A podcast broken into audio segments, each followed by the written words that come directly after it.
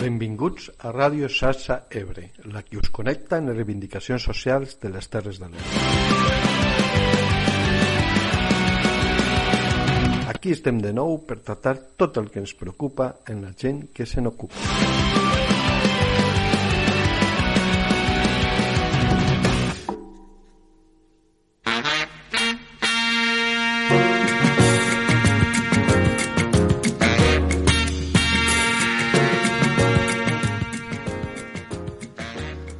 Bon dia i bona hora, bona gent. Com esteu? Afectats? Respirant una mica? Preocupats? Desconcertats? Intentant processar el que ha passat i continua passant? Tractant d'endevinar els signes del que vindrà i preparant-se pels possibles sotracs i tal vegada oportunitat?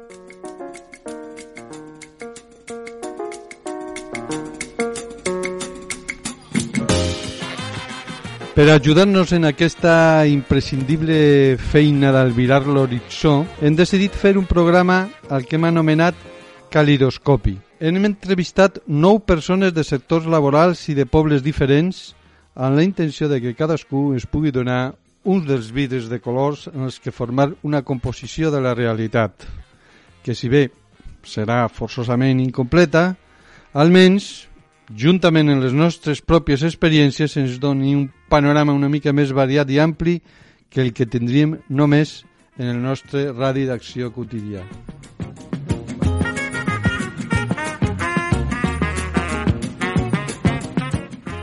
I sense més, us presentem a la primera de les nostres convidades.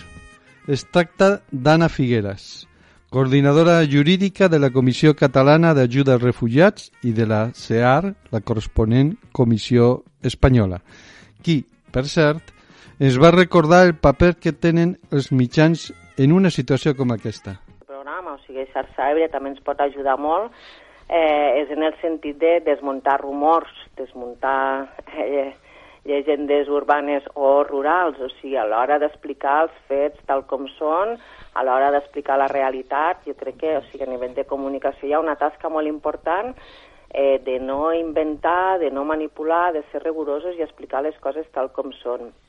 Sí que ens preocupa també vinculat al que hem anat parlant, clar, és molt fàcil estigmatitzar un col·lectiu, és molt fàcil en situacions de necessitat o en situacions és fàcil estigmatitzar un col·lectiu i ah, la culpa és de a partir d'aquesta crisi s'ha mostrat la capacitat eh, d'organització, d'ajuda i de comprensió mútua. I, I, jo sí que us diria continuar per aquí i exigint a les administracions públiques que facin polítiques públiques que realment no deixen a ningú enrere.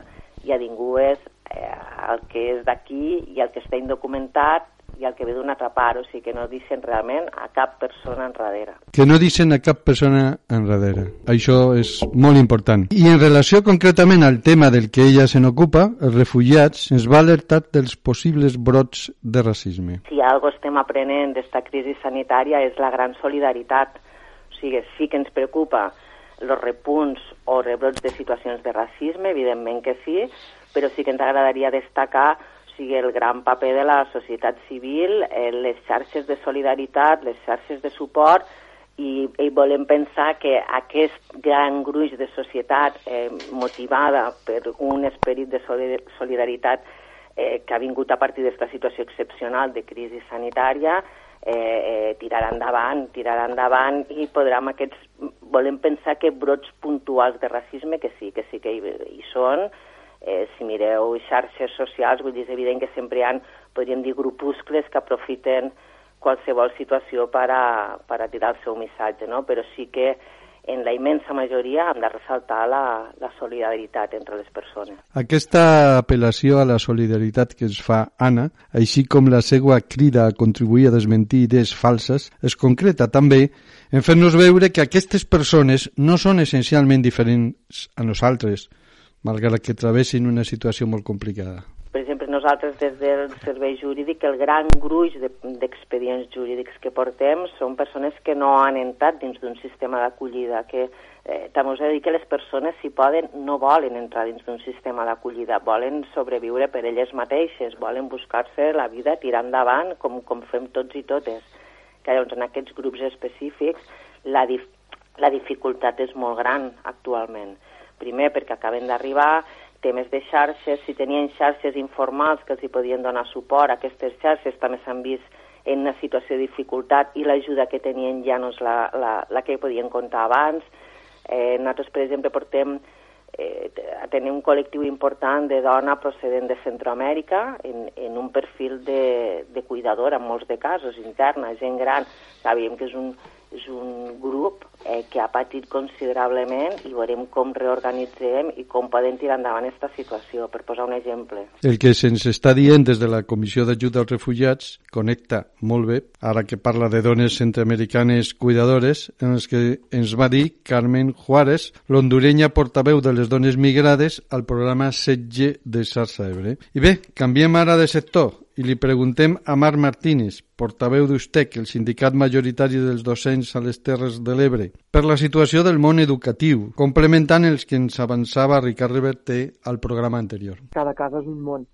És evident que, que les condicions per estudiar no són iguals a totes les cases. I aquí és on s'ha perdut una de les funcions de, de l'escola física, de l'espai físic, que és la funció de la igualació però evidentment també s'ha perdut tot allò que l'escola té, i quan dic escola me refereixo a totes les etapes, eh? des dels petits fins als més grans, també s'ha perdut la funció de socialització que, que fa l'escola.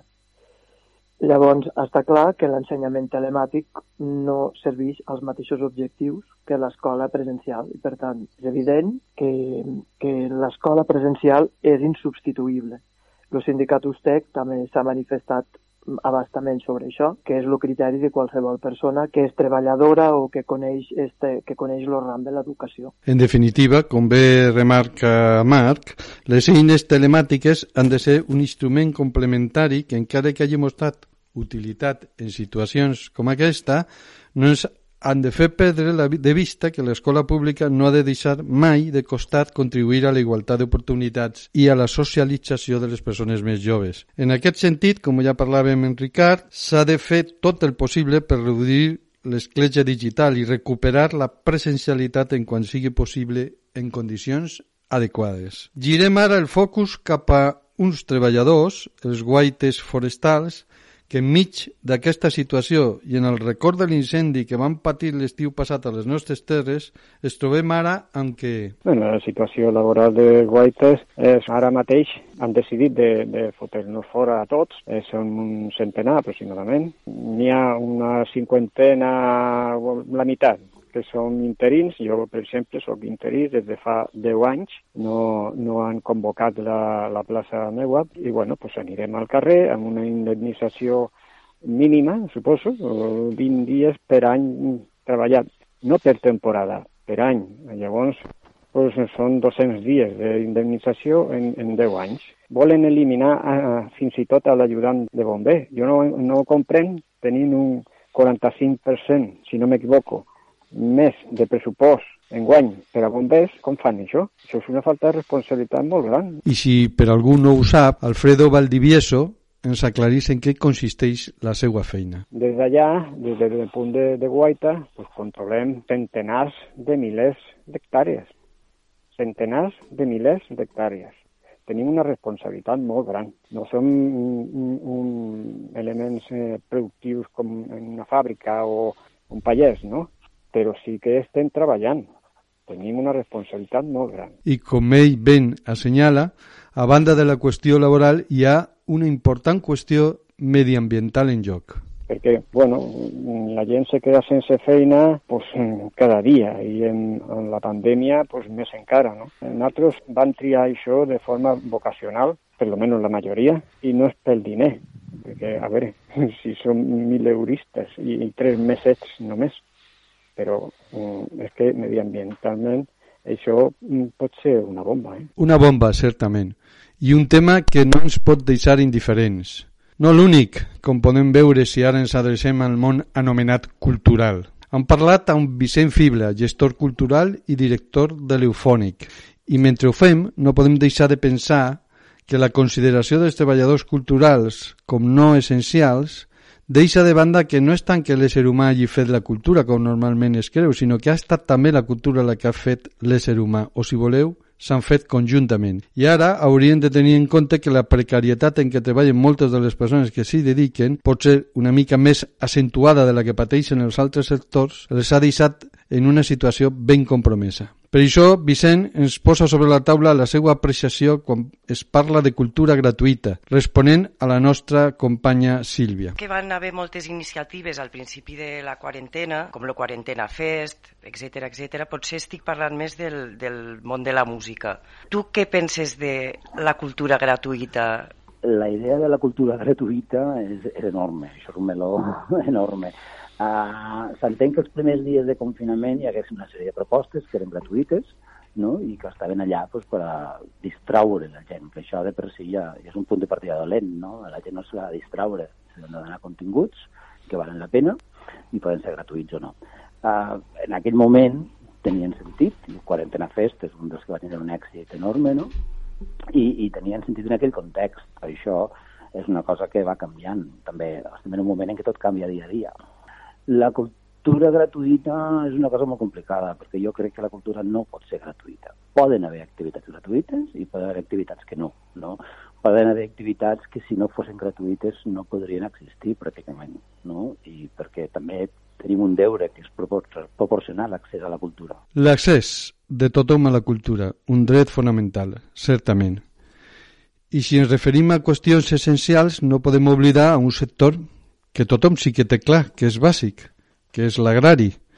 Li hem preguntat a Carlos Roig, qui va ser responsable de Cítrics de la Unió de Pallesos i convidat al nostre programa 8, sobre la venda a distància i la de proximitat en aquestes circumstàncies. I ens va dir... També hi ha qui diu, a veure, tot això acabarà afavorint el mercat de proximitat i d'entorn o a lo millor les vendes a distància. Tu que, com ho veus això? Uf, a veure, eh, jo tinc clar, jo tinc clar que de moment, eh, los, eh, este prim, estos, estos dies, estos dos mesos que han tingut això, no, no estic miqueta, no, no, no sé dir, sí, un parell, un parell de mesos que fa que va el tema aquest, el Covid, eh, és veritat, han sortit millorats, diguéssim, tot el que són els canals de venda online, això ho tenim clar, i teòricament, a la llarga hauria d'afavorir el mercat de proximitat, o sigui, els, els, els, els productes de proximitat deuria, i els governs haurien de donar compte de que després d'un afer com aquest, tindre el producte a casa és molt més millor que tindre el que exportar o siguin, o siguin important des de fora.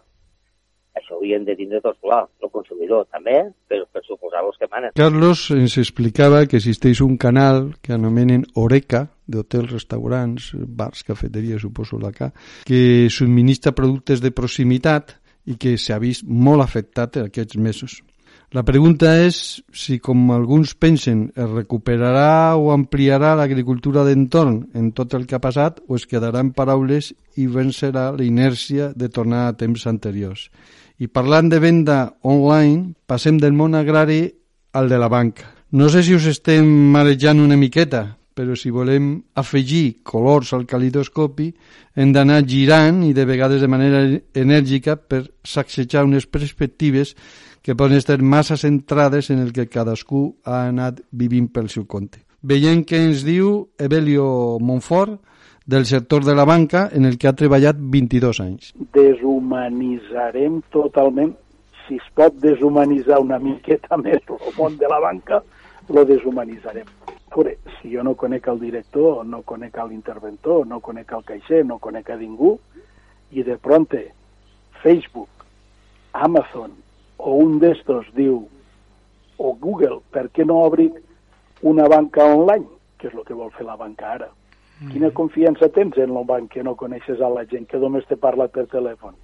La mateixa que pots tindre en Amazon, que li compres sabates, li compres roba i als dos dies la tens. Evelio, que va estar a Xarxa Ebre al programa 5 com a representant de la plataforma del CENI d'afectats pel Castor, ens avisa de les contraindicacions que pot tenir això del teletreball bancari i comercial. I ara, a un dels sectors més afectats per la Covid 19 anirem al de la restauració i el turisme. Li preguntarem primer a Imma de l'hotel Llançola, en molts anys de consolidació com a hotel-restaurant a la Ràpita, com els ha afectat i què han hagut de fer? Nosaltres en aquests moments hem fet tot el que eh, està permès, que és, en primer lloc, van fer menjar per portar a domicili, després el, el menjar que el vinguessin a buscar aquí, i, i vam obrir una petita terrassa que tenim, que és un jardinet tot en moreres, mos caben sobre vuit de taules, guardant les distàncies reglamentàries i, bueno, este fin de setmana pues, la gent ha respost. Tampoc no és una massificació perquè estem molt limitats a la gent del poble i de la comarca, però la comarca pues, no s'aventura no tant, no? i estem limitats una miqueta a la gent del poble. No obstant, pues, hem anat treballant una miqueta entre el enviar a les cases, vindre a buscar i el jardinet, pues anem treballant. Tampoc no treballem al 100%, però bueno, pues, si estem al 50%, pues, algo és algo, no? Eh, la part de l'hotel està molt afectada fins que no, la gent no deixi que passar d'una província a una altra, m'entens? De, claro. de, de la mateixa d'això sanitària pugui desplaçar-se. Llavors, llavors sí, però estar a l'hotel està, està parat, excepte que pugui haure algun treballador que per motius de feina tingui de vindre, que hem tingut algun, però és molt poquet. Vull dir, ben just hem tingut un, un dia tres, un altre dia dos, m'entens? Però un dia, no, no res de l'altre món. Hotel pràcticament 8 i restaurant al 50%. Seguint en el món de la restauració, ens apropem ara a persones que potser havien engegat un projecte una mica abans de la pandèmia i s'han vist obligades a reiniciar ara. Ens ho explica Raúl Najas, que portava només 26 dies d'haver començat un servei d'aquest tipus i que és, a més, regidor de l'Ajuntament d'Ulldecona. Ell veu en tot això, en tot el que ha passat, una oportunitat per potenciar el comerç local. Bé, jo crec que bàsicament els patrons de consum són el que més eh, crec que està canviant i que és bo que canvien. És una cosa positiva que, que podem treure de tot això. És dir, imposar-se el comerç local com a la primera línia de batalla del comerç jo crec que això s'està imposant perquè precisament el que més prop està és el que menys falla. Un problema ara. I ara que ja us hem presentat a quasi tots els intervinents, volem veure el que ens diuen sobre alguns dels temes que els hem plantejat específicament. De certa manera serà una mena de debat en diferit, però abans us deixem uns minuts en Yusun Dur i tornem de seguida. Mai se yaa moom liggéey may sa tënd jor yaa moom may sa tënd jor yaa moom ni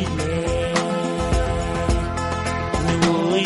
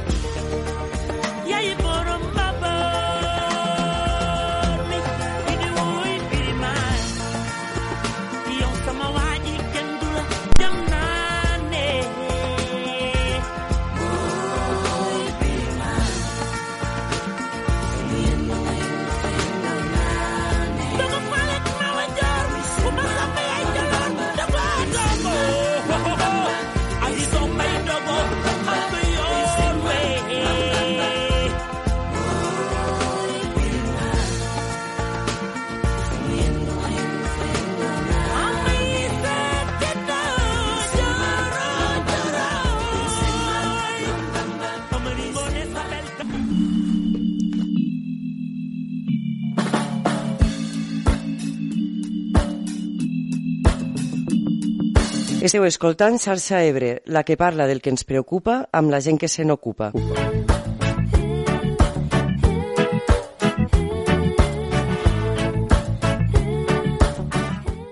Començarem pel toc d'atenció sobre situacions de pobresa i atur. Imma es va explicar que vaig de posar-los tots a l'atur perquè tenia gent, pues bueno, hi havia gent en, en contracte d'obra i servei perquè ja venia Setmana Santa, hi havia gent que, era, que és de temporada, no? de fixos discontinus, i vaig arreglar meu. No obstant, érem 11 treballant i ara en aquests moments som 4. Per tant, els fixos discontinus ho tenen magre. Ni ERTO ni res que se li assembli. No són els únics, però, però són una part important. Per la seva banda, Anna, quan comentava la situació general, veia que... Pels trets eh, que en l'últim mes eh, portem veient, sí que ha sigut un increment de la pobresa de manera eh, descarnada, se mos ha presentat davant, especialment a les zones de, de ciutats, o sigui, hi ha una major concentració perquè hi havia moltes persones que podien sobreviure eh, gràcies a, a l'economia informal o a, a, a l'economia submergida. Eh, I aquest sistema de vida que havíem pogut eh, tenir ha caigut de cop, o sigui, ha caigut de cop i d'una manera abrupta. O sigui, que és una de les principals conseqüències que han vist de manera directa.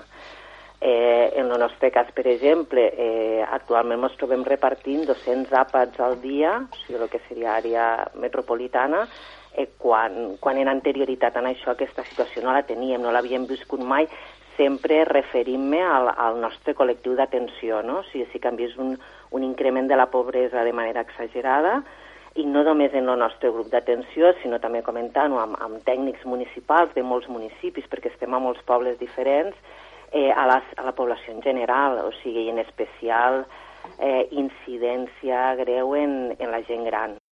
Panorama dur per a la gent més vulnerable. Caldrà reforçar la solidaritat si no volem viure una situació cada vegada més injusta i polaritzada. En relació a això no podem deixar de pensar en el que s'ha dit de la gent gran. Li van preguntar a Raül i ens va contestar. A la societat capitalista que tracta la gent gran, que no és la millor, crec que sí que s'ha fet una miqueta d'esforç en aquest aspecte, tot i que no és ni de bon tros el que seria correcte. I Evelio, que per edat se sent implicat, es va recordar que... Molta gent ha estat dient que a certa edat ja no era necessari entrar a l'hospital. Home, resulta que aquesta gent que ha entrat a l'hospital i s'ha mort, no sé si algú ho ha pensat, són los xiquets de la postguerra els xiquets que van aixecar quan se van fer més grans el país, que més o menys han lograt que arribéssim on arribem, on hem arribat ara. Gent que no tenia estudis i que ha fet que sons fills estudiessin. Gent que ha convençut a sons fills de que muntessin un negoci. Home, i en esta gent les proteccions que els han donat han sigut minces. A més a més s'està parlant de, de que si el que cobra esta gent, perdona, esta gent, ha treballat des que tenia 18 anys o que en tenia 14 o que en tenia 13. A aquesta gent se'ls té que respectar la pensió que tenen. No pensar ara perquè mos hi trobarem que resulta que mos faran falta diners. O sigui, parlo com a, com a govern central, eh? Uh -huh. Algú mos dirà, senyors, tenen que reduir, que no se'ls no se ocorreix que reduir les pensions dels que estan jubilats, que reduïsquen de l'exèrcit, o que reduïsquen d'aquestes coses que gastem sense saber el que gastem ni per què ho gastem. Perquè aquesta gent que té pensions ha estat cotitzant tota la vida. I els senyors que tenen l'exèrcit no els fa falta tindre tres avions més o dos fragates. Així, doncs, cal estar molt atents a allò que ens deia Àngels Martínez Castells i que van comentar el programa passat. La dignitat d'una societat es mesura per com tracta a les seues persones més fràgils. Tenint en compte això i aquesta implicació de la societat en el seu conjunt, cal analitzar també com ha estat l'actuació general de les administracions. Sobre això tenim un variat repertori. Començarem pel que ens diu Imma. De, de suport, el que diuen molt, diuen molt, al meu punt de vista, eh? Diuen molt, diuen molt, però no... Simplement han donat molts d'icos que tens de tornar, m'entens? Que tens de pagar-los. Llavors diuen ajudes, però les ajudes, te diré una cosa, tu te posaves a fer tot el, el, el papeleo de les ajudes i quan arribaves ja estaven completes, ja s'havia acabat el termini, eh, perquè si, per exemple, donaven per a, sé jo, 200.000 euros, pues, o 100.000 euros, o el que fos, ja s'havia acabat el, el pressupost, per almenys és el que ha passat en, en el meu cas. ¿vale? En l'Ajuntament d'aquí la Ràpita pues, ens ha ajudat, en l'Ajuntament d'aquí la Ràpita ha fet unes jornades gastronòmiques que nosaltres n'he fet moltes aquí a la Ràpita, i ara ha fet unes jornades gastronòmiques per portar a casa. Ara, en aquests moments, ja poden vindre aquí a menjar-se-les, però les, les han portat a casa. I en, en, eh, així hem obert algun restaurant que no es volia obrir-se, però les jornades gastronòmiques pues, la gent ha demanat per portar-ho a casa. Oscila, bueno, hi ha qui oscila des dels 15 als 30 euros, m'entens? Després també, pues, bueno, el de les terrasses que et deixa eh, pues, ampliar-les més, sense tindre una quota més elevada. Eh, han fet alguna reunió telemàtica per, a, per poder parlar de, dels problemes i tot això, i l'alcalde ha fet alguna reunió en nosaltres que tenim un col·lectiu de cuina que funciona molt bé, i entre nosaltres ens ajudem i hem fet pues, bueno, alguna petita reunió per a poder fer van dir que també pues, los impostos los, los aplaçarien a poder-los pagar dos o tres cops o com a, bonament vagi bé a tothom, però bueno, de pagar s'ha de pagar tot. -huh. de, de, de perdonar no perdonen res. No perdonen res, com diu Imma, però en general es veu, com ella ens conta, que els ajuntaments estan millor considerats en general per haver estat més propers als ciutadans, com no podia ser d'altra manera. A la resta se la viu com institucions llullanes i burocràtiques, quan no poc clares i un tant contradictòries, com diu Marc, referència al Departament d'Ensenyament de la Generalitat. Jo penso que el que ha passat és que han trobat a faltar eh, unes, un, diríem, unes instruccions clares per part del Departament d'Ensenyament, clares i racionals, en el sentit de que el problema que han tingut molts mestres, professors, treballadors i treballadores de l'ensenyament ha sigut eh, les dificultats per a conciliar la vida laboral i familiar. I quan dic que aquí ha fet falta el departament que tingués en compte això, que els mestres, professors, mm, això, que, que el departament ha tingut poc o gens en compte, que a més a més de treballadors i treballadores, són persones que estaven al càrrec de, de les seues famílies a les cases i, i quan dic que el departament no ha donat instruccions, instruccions clares o fins i tot a vegades les ha donat confoses, això ha creat encara més angoixa i més dificultats per conciliar els treballadors i treballadores. Això de la conciliació no és exclusiu del ram nostre, sinó que ha passat segurament també les famílies que han hagut d'atendre els seus fills també han tingut aquestes famílies, aquests problemes de conciliació, no? Per això a mi m'agrada dir que ha sigut una temporada en què l'administració, el Departament d'Educació, hauria hagut de tindre molt clar que per davant de tot, en aquest moment de crisi, hauria hagut d'haver les cures a les persones, el, lo cuidemos, més que no pas los temaris ni, ni, ni les qüestions més acadèmiques. I sovint em sembla que aquesta visió ha faltat. Sí, Cuidem-nos. Hauria de ser la preocupació bàsica. I respecte a això, quan més junt està l'administració, menys se la percep en aquest sentit. Com quan es veu, com excuses retardatàries dels serveis que haurien de donar, en algunes ocasions, tal com es posa de relleu Anna. Si el Covid no pot ser una excusa per a fer una llista d'espera tan gran que al final acaba desmotivant a les persones de fer aquell tràmit. El que no es pot utilitzar és com a dir, bueno, com trigarem tant, ja no ho faran. I com no ho faran, no tindrem cap obligació amb ells. I no podem deixar d'afegir també la crítica sobre algunes actuacions poc comprensives del món rural que sorprenen més perquè en algunes ocasions parteixen de sobreactuacions de persones que formen part del mateix. Això es va comentar Evelio. El Canoa és un poble que la major part de les finques les té a un altre terme. tenim que cruzar el riu i tenim que entrar a Castelló. Penso que aquí no s'ha acabat d'actuar bé perquè s'han fet unes pressions innecessàries a una gent que no anava a la finca de Capritxo, no anava a passejar. Tenia que portar la finca avant, no? I aquí és una nota roïna per totes les policies perquè penso que ni un policia nacional, ni un guàrdia civil, ni un municipal dient, escolta, on vas? Home, que vaig en un tractor, que no me'n vaig a jugar, o mm. que porto lo, la furgoneta carregada de líquids, què us penseu que vaig a fer? Se tenen que cuidar les finques. I aquí penso que s'han passat, passat un pelín, o dos pelins. Però pel de més, bueno, penso que la cosa ha anat prou bé. Doncs per evitar aquests pelins que diu Evelio, queda clar que la ciutadania ha d'estar molt vigilant, mirar d'influir per corregir les actuacions de les administracions a tots els nivells. Sigui la prohibició absurda d'anar als sorts o la d'un agent de policia municipal, mosso nacional o guàrdia civil que s'extralimiti.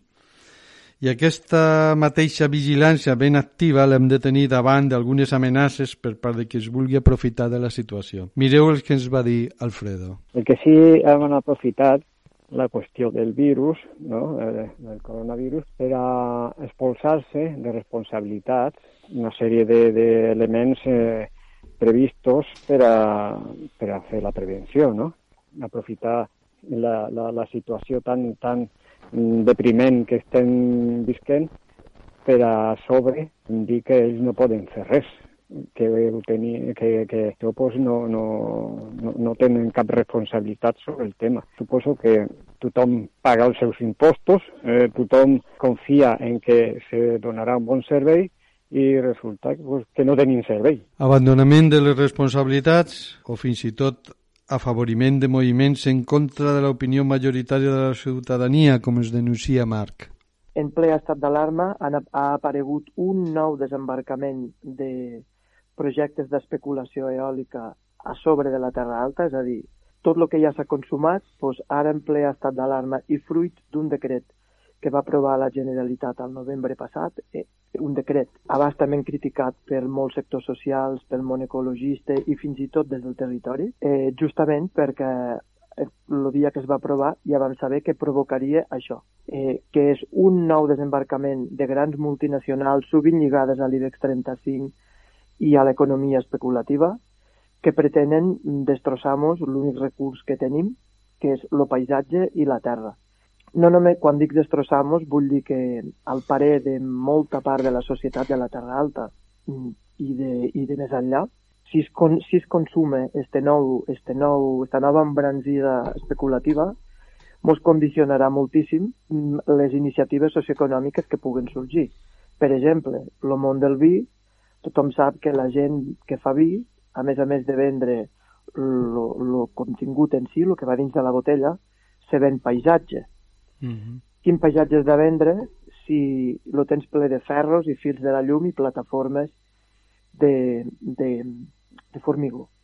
I més enllà d'això, més enllà de que d'esta nova agressió cap al territori, cap a les persones que hi vivim, la crítica vindria perquè el decret de la Generalitat del novembre passat no només facilita mm, que les grans companyies puguen especular en, en un bé comú com és el vent i la terra, sinó que a més prive o, o va en la línia contrària a fer una transició eh, energètica que sigui democràtica. O sigui, el projecte, que, lo, lo projecte que el territori vol és energies renovables, però de control democràtic, descentralitzades, a benefici de la gent. No grans companyies mm, que destrossen per allà on passen a benefici d'uns comptes de resultats lligats a l'especulació. Ho dic perquè mala peça al teler confiar que la Terra Alta se pugui revitalitzar demogràficament quan està patint una nova agressió d'esta magnitud. És a dir, que potser sí, tant de bo, que, que des, quan haguem passat tot això del coronavirus se generen escenaris favorables per al repoblament del món rural. Però me sembla que, malauradament, n'hi ha massa d'escenaris que mos van en contra. Llavors serà la nostra actuació la que pugui influir, de cantar la balança cap a un escenari o altre. Repoblament, projectes controlats localment o territoris que estiguin a l'abast de l'altre costat de la cobdícia desfermada i mancats de la protecció que haurien de tenir per part de les institucions públiques. Ja ho veieu, hi ha qui no descansa per arrimar el que en castellà es diu l'asqua a la seva sardina. I ja que estem en això, mirem ara el que opinen els nostres convidats sobre les possibilitats i els perills del nostre territori en la situació actual. Començarem per Llorenç Navarro, president de la Federació d'Associacions de Veïns d'Amposta, impulsor de VIPTE, Voluntaris i Participació de Terres de l'Ebre. Aquí vam tenir el programa 3 sobre transport en representació de la plataforma AP7 gratuïta ja. Jo vull ser molt, molt més positiu si som intel·ligents. Eh, és, és un, un món de, de mutacions també, d'adaptacions. Per tant, eh, sí que voldria invitar, ara és el moment de, de les nostres terres, dels nostres territoris, de, de, dels territoris despoblats. Ara és el moment que tenim que saber-ho treballar bé, però ho hem de treballar nosaltres, no altres que ho treballen per nosaltres.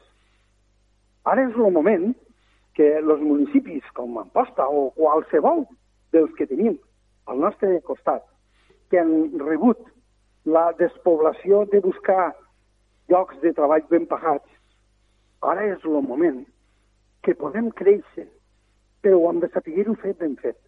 Hem de ser prou intel·ligents per a no ni tirar-nos de creu ni encarir-ho. Quan ve una crisi com esta, hi ha gent molt bona, en moltes possibilitats, però hem de saber-les treballar. I d'aquí m'ofereixo com molta gent segur que s'oferirà i gratuïtament, sense buscar res a canvi de diners. Només buscant una millora per al nostre territori, per als nostres fills, i que quan mai torni a passar, estiguem preparats com a societat i estiguem preparats com a reivindicacions, que no siguen les grans empreses sempre i s'enduen la millor tallada. Actuar intel·ligentment i preparar-nos, ens diu Llorenç, agafar les regnes del destí del territori a les nostres mans. Per la seva banda, Raül va opinar que... Que aquí se veu molt bé i que la ciutat genera uns certs problemes i unes certes complicacions que nosaltres no tenim ni, ni tindrem. Llavors, pues, bueno, valorem el que, però sense perdre de vista que també som una, som un territori que necessitem més oportunitats de feina per als joves i de consolidar una economia diferent. I encara estem en penyals en certes coses. Vivim bé, tenim un, un territori meravellós i un patrimoni meravellós, natural i, i històric, però també tenim unes mancances importants en molts àmbits. Oportunitats i perills, meravelles i mancances. Vicent Fibla, pel seu compte, creu de l'experiència de l'eufònic que ho estàvem comentant abans entre nosaltres que també ha servit per vertebrar una miqueta el territori perquè heu tingut una, una visió de no centrar-lo exclusivament en un lloc sinó que s'han fet activitats en diferents pobles i això també afavoreix este tipus de, de, de relació entre diferents mm, persones de diferents pobles d'aquí de, de les Terres de l'Ebre. Sí, sí, és que jo crec que això és, és una de les potes, o un, un dels vessants, diguem importants del fònic com a proposta que s'ha de mirar de manera global, no?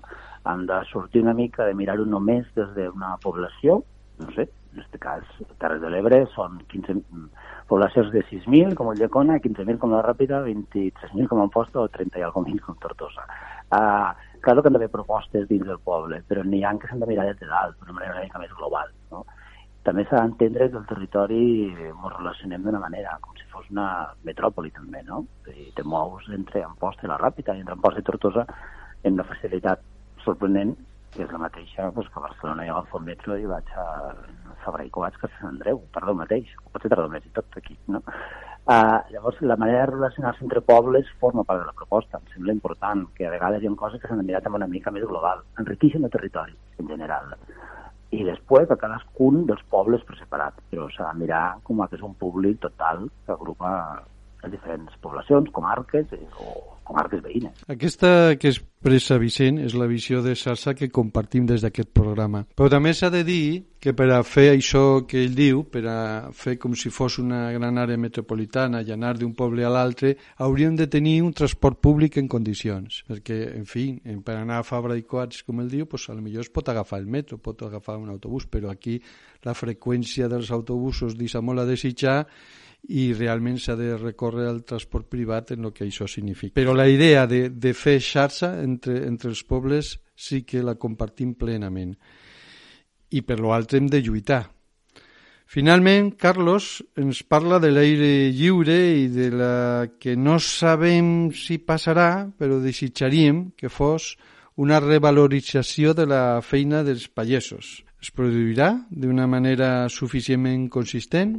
Depèn com s'hi juga. Jo tinc l'experiència de que fa un mes que tinc a l'explotació pues, pues, dos, dos jovens de la capital que, que han fet servir la falta de mà d'obra que tenim al camp a vindre a sortir de la capital i estar al camp, i viuen al camp, ¿vale? Uh -huh. I estan, estan contentíssims, o contentíssims en aquest cas, de que, de que estan al tros, estan, estan lliures, ¿vale? ara ja la gent ja es comença a desconfinar, però bueno, han estat un mes que han pogut treballar a aire lliure i això, i això vull dir, no ho coneixien. Vull dir, estan veient de que el camp o la zona rural se, se viu prou bé. Uh -huh. Aquesta és la veritat.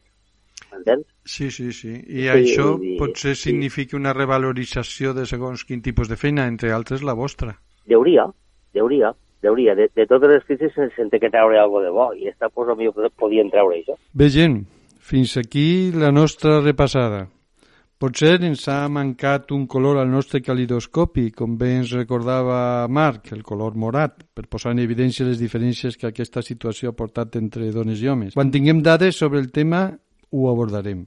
Per ara, penjarem després d'aquest programa les nou entrevistes senceres que ens han servit per fer-lo i us recomanem molt vivament que les escolteu perquè us ampliaran molt més el que aquí, per força, hem hagut de resumir. Per cert, si us subscriviu a l'IVOX, tant als programes com a les entrevistes de Sassa Ebre, estareu assabentats puntualment de tot el que anem publicant. El proper programa, el corresponent a juny, en jo de fer-ho a finals d'aquest mes, com ho fem habitualment, ho passarem a primers de juliol per una sèrie de raons pràctiques i com que a l'agost no en fem, serà l'últim d'aquesta temporada. No us el perdeu.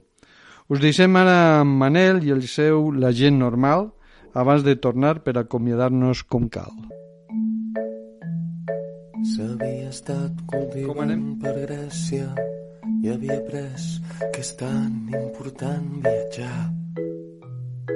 I jo escoltava i deia, sí, sí, clar, clar. Son pare acumulava grans riqueses. Vaig dir, caram, en aquest cas anul·li, si us plau, la cervesa i posi'ns el vicar. Li va semblar genial. Va fer un grupet, em va mirar i va dir Vull viure com viuen els altres Vull fer les coses que fa la gent normal. Vull dormir amb qui dormen els altres. Ficar-me al llit amb gent normal com tu.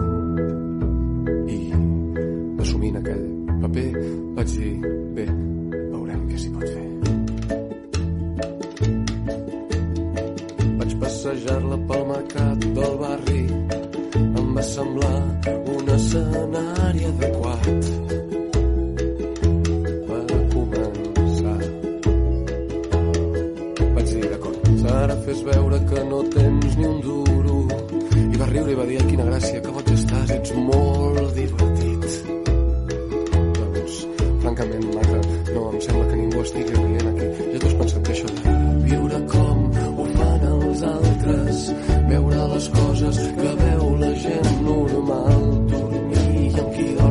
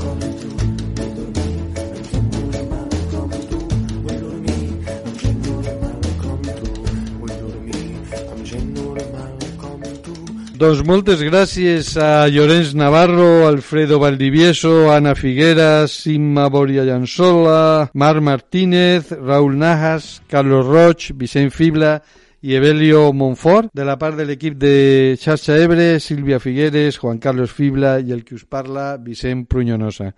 Us esperem a primers de juliol. Molta salut i molta força. T'esperem a la propera emissió de Xarxa Ebre. Ens trobaràs al WordPress, al Gmail, Facebook, Twitter i a l'Ivox. Sempre amb aquesta etiqueta, Xarxa Ebre.